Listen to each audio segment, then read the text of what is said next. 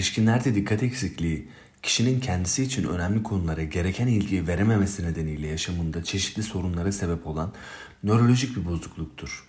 Günümüzde dikkat eksikliğinin kalıtsal olduğu ikiz ve evlat edinme çalışmalarından bilinmektedir. Biyolojik yakınlarda dikkat eksikliği olması riski 5 kat arttırmaktadır. Bu nedenle psikososyal etkenlerin var olan biyolojik yatkınlığı tetiklediği düşünülmektedir. Evlilik sorunları, ayrılıklar, kayıplar, düşük sosyoekonomik düzey, ailede suça yatkın bireylerin olması gibi faktörler hastalığın ortaya çıkışında ve gidişatında etkili olmaktadır. Genel görünüm olarak sık sık iş değiştirme, iş yerinde problemler yaşama, gelir düzeyinde düşüklük, rastgele cinsel ilişkiler, alkol ve madde bağımlılığı, suça yatkınlık görülürken ergenlikte ve çocuklukta sık disiplin cezası, dağınık çalışma, söyleneni dinlememe, öfkeye kolayca kapılma, sık sık eşyaları kaybetme görülebilir. Benlik saygıları hastalık öyküsüne bağlı olarak düşmüş olabilir. Bu kişilerin bilgisayarlarında sekmeler açıktır. Konudan konuya atılar. Anlık mutlu ya da huzursuz hisseder. Çabuk sıkılır. Sorunlar çocukluktan başlayıp ergenlikte de devam eder. Kişinin özgüveni zedelenir. Eleştirel bakış içe dönmelerine sebep olur. Detaylara dikkat etmekte zorlanır. Konuya odaklanamaz. Bir görevi tamamlamakta güçlük çeker. Rutin işlerinde aksamalar olur. Başarılı olmakta zorlanır çünkü başarı için gereken insan ilişkilerini yönetebilme becerilerinden yoksundur. İstikrarsız görünür. Bir işi tamamlamak için çok sayıda engeli vardır. Düzgün olmayacağı endişesiyle işe başlayamaz. Can sıkıntısına tahammül edemez. Birçok projeyi aynı anda yapmaya çabalar. Çok hayal kurar. Hayal kırıklığından fazlaca korkar.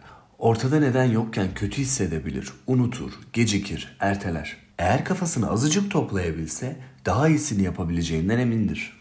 Yapılan çalışmalarda dikkat eksikliği tanısı alan erişkinlerin üçte birinde ilerleyen zamanlarda anlamlı bir düzelme olduğu, üçte birinde bazı problemlerin devam ettiği, kalan üçte birinde ise ciddi problemlerin devam ettiği tahmin edilmektedir.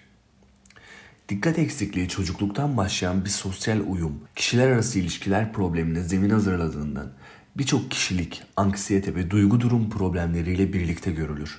Araştırmalarda ek tanı oranının yüksek olduğu görülmektedir.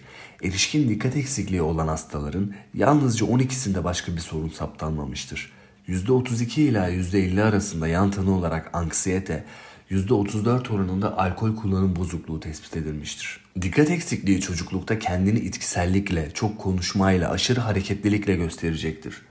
Sosyal olarak zorlayıcı ve olgunlaşmamış bir tablo çizerler. Davranış sorunları sebebiyle yaşıtlarıyla anlaşamazlar. Kurallara uymak istemedikleri için anne babalarıyla da iyi geçinemezler. Bu davranış bozuklukları çevresi tarafından her zaman tolere edilemeyeceğinden aldıkları tepkilerle birlikte davranım bozukluğu ardından antisosyal kişilik bozukluğuna evrilebilir. Doyumu erteleyemez ve aşırı aktiftirler. Kendilerine neden böyle davrandıkları sorulduğunda cevap genellikle yalnızca bilmiyorumdur. Böyle bir çocuğa sahip olmak aile dinamiğini de birçok açıdan etkiler. Öncelikle çocuğun uyumsuzluk problemi ailede konuşulacak bir konu haline gelir. Aileler farkında olmadan her şeyin olduğu gibi kalmasını isteyebilirler. Çünkü çocuğun davranış problemleri diğerlerinin üzerinden dikkate alır ve bu bazı açılardan diğer aile üyelerine kazanç getirir. Ailelerde birinin evden ayrılmasını ihanet kabul etmek, birinin kilo vermesini, diğer aile üyelerinin sabote etmesi gibi genellikle değişime direnen bir yön vardır. Dikkat eksikliği çocuğun çevresinin hayatında birçok açıdan büyük bir yer kaplar. Bu nedenle tedavi planlanırken dikkat eksikliğine sahip bir çocuğun iyileşmesinin ailede önemli büyüklükte bir değişim yaratacağını göz önünde bulundurmak faydalıdır. Dikkat eksikliğinde tanı testler aracılığıyla konur ve hastalığın tanı alması tedavinin en önemli parçasıdır. Hastalar tanı aldıklarında büyük bir rahatlama hisseder çünkü yüksek olasılıkla tanıyı alana kadarki süreçte kendine odaklanamadığı için suçlanması gereken, sorumsuz biri olarak görmüş, toplumsal uyum problemleri kaynaklı birçok aşağılanma, yargılanma, etiketlenme ve utanç anısı biriktirmiştir. Artık probleminin disiplinsizlik ya da ahlaki meselelerden değil, nörolojik bazı nedenlerden ileri geldiğini anlar ve yaşadıkları rastgele olmaktan çıkıp mantıklı hale gelir. Tedavi alarak duygusal yükten özgürleşebilir Teşhisle birlikte kişinin hayatında büyük gelişimler görülür. Teşhisten sonra kişiye tanısıyla ilgili bir psiko eğitim verilir. Liste yapmak, hatırlatıcı kullanmak, dosyalamak, randevu defteri kullanmak, günlük hedefler belirlemek gibi tekniklerle gündelik yaşamı yapılandırılır. Kişide öz saygı problemleri, depresyon, anksiyete olabileceği için psikoterapi desteği sağlanır. Bu kişilerin hayatında işlerinin yolunda gitmesi için kendilerine yardım eden birinin bulunması çok faydalıdır. Ayrıca ilaç tedavisi beyindeki dikkatle ilgili kimyasal dengesizliği, içsel karmaşayı düzenler. İlaç tedavilerin etkisi gözle görülürdür. En etkili tedavi yöntemidir ve ciddi faydaları vardır. Ancak ne yazık ki yan etkileri de vardır tedavi planının tamamını oluşturmazlar. Hastanın başa çıkma mekanizmalarını da öğrenmesi gerekir. Çok yönlü yaklaşımla destek grupları, ebeveyn eğitimi, bireysel terapi, stres, öfke, rahatlama ve gevşeme odaklı çalışmalar kişinin fayda görmesini sağlayacaktır.